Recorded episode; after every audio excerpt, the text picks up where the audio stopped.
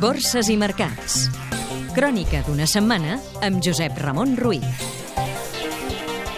Tercera setmana consecutiva de pèrdues a les borses. Els inversors continuen optant per les vendes davant dels temors sobre el creixement de l'economia mundial després d'una renovada debilitat de l'economia xinesa i també davant dels dubtes sobre els plans d'estímul dels bancs centrals, sobretot després de la decisió de la Reserva Federal dels Estats Units d'obrir la porta a rebaixar a finals d'any les mesures d'impuls a la primera economia del món.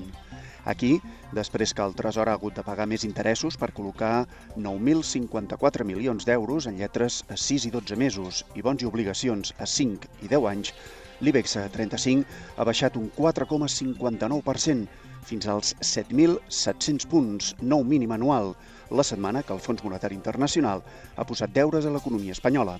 Demana sous i acomiadaments més barats i creu que hi ha prou marge per millorar el sistema tributari a través de l'IVA.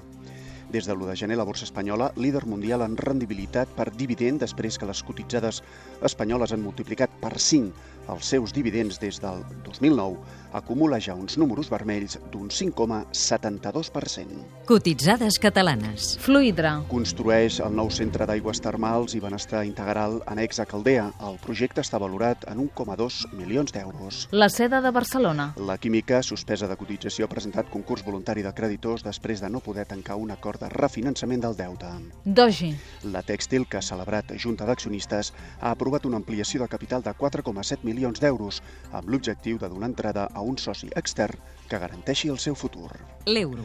La moneda única s'ha de percebre davant del bitllet verd nord-americà.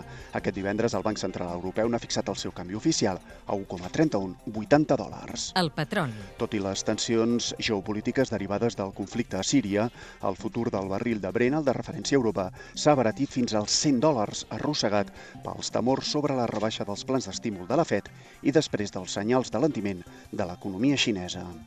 Vocabulari financer. Què vol dir la reducció del deute? Moltes empreses en situació crítica no poden assumir els compromisos de pagament als seus creditors.